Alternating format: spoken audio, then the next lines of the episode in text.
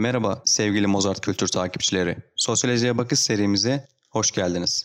İlk kuramcılardan Max Weber. 1864 yılında doğan Weber birçok konuda eserler bırakmıştır. Akademik hayatını sadece sosyolojiyle anmak haksızlık olacaktır. Yazıları ekonomi, hukuk, felsefe, tarih konularını içerir. Weber'in çalışmaları ile ortaya koyduğu temel nitelikler bugünün sosyologları için temel sosyolojik tartışmaları belirlemiştir. Weber'in inancı Durkheim ile Marx'a göre farklıydı. Durkheim ile Marx yapıların bireylerden bağımsız ve dışsal olduğu inancındaydılar. Weber ise toplumdaki bu yapıların, eylemlerin karmaşık etkileşimi tarafından oluşturulmakta olduğuna inanıyordu. Marx ve Durkheim'den farklı olarak Weber, sosyolojik analizin merkezine toplumsal eylemi koyan, yorumlayıcı bir sosyolojik yaklaşımı benimsemiştir. Weber özellikle toplumu nesneymiş gibi ele alan ve onu gözlem, deney ve benzeri tekniklerle incelemeye çalışan, pozitivizme eleştirel yaklaşan Alman düşünce geleneği içinde yetişmiştir. Weber de diğer düşünürler gibi toplumsal değişmeyi anlamaya çalışmıştır. Toplumsal değişmeler üzerinde ekonomik etkenlerin daha önemli olduğunu savunur. Max Weber'e göre sosyoloji toplumsal davranışın bilimidir.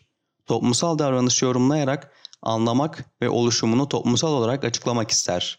Bu konuda üç önemli terim vardır. Anlamak, yani anlamları kavramak, yorumlamak, yani öznel anlamları kavramak halinde düzenlemek, açıklamak, yani davranışların düzenlendiğini ortaya koymak.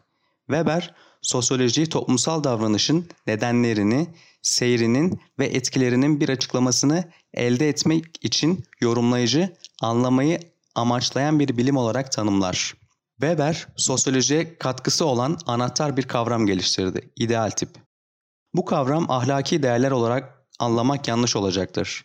Weber'e göre ideal tip, istatiksel ortamlara karşılık gelme anlamını içerir. Yani ideal tip sabit bir referans noktası olarak alınabilir. Aynı zamanda soyutlamadır. Weber'in en önemli eserlerinden biri olan Ekonomi ve Toplumu göz ardı etmemek gerekir. Çünkü bir ekonomi sosyolojisi, bir hukuk sosyolojisi, bir siyaset sosyolojisi alanlarının ele alındığı genel bir sosyoloji çalışmalarıdır. Bu genel sosyoloji incelemesi başka uygarlık, uygarlıklarla karşılaştırma yaparak Batı uygarlığının özgünlüğünü ortaya koymaya amaçlayan bir eserdir. Weber'in en ünlü çalışmalarından biri olan Protestan Ahlakı ve Kapitalizmin Ruhu adlı eserinde kapitalizm gibi bir ekonomik düzenleme biçiminin oluşumunda düşünsel ve dinsel nitelikte faktörlerin nasıl önemli bir rol oynadığını göstermeye çalışır. Bu bakış açısı da dinin toplumsal değişmeyi engelleyici bir role sahip olduğu düşünüldüğünde Weber'in endüstriyel kapitalizmin gelişiminde dinin önemini vurgu yapması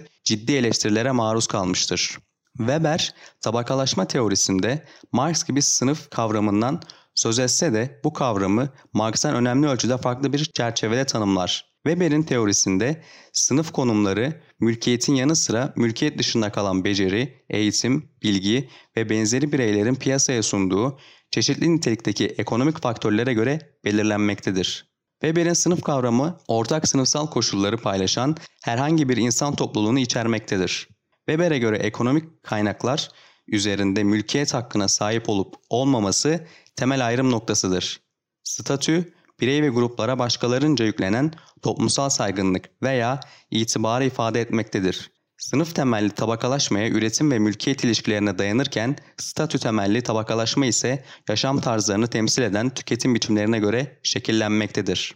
Weber, statü ve partilerin bireylerin ve grupların ekonomik koşullarını ciddi düzeyde etkilediğini belirtmektedir. Bu siyasal güç kişilerin yaşam şanslarını ve toplumda var olan fırsatlara ulaşmalarını önemli ölçüde etkileyebilmektedir.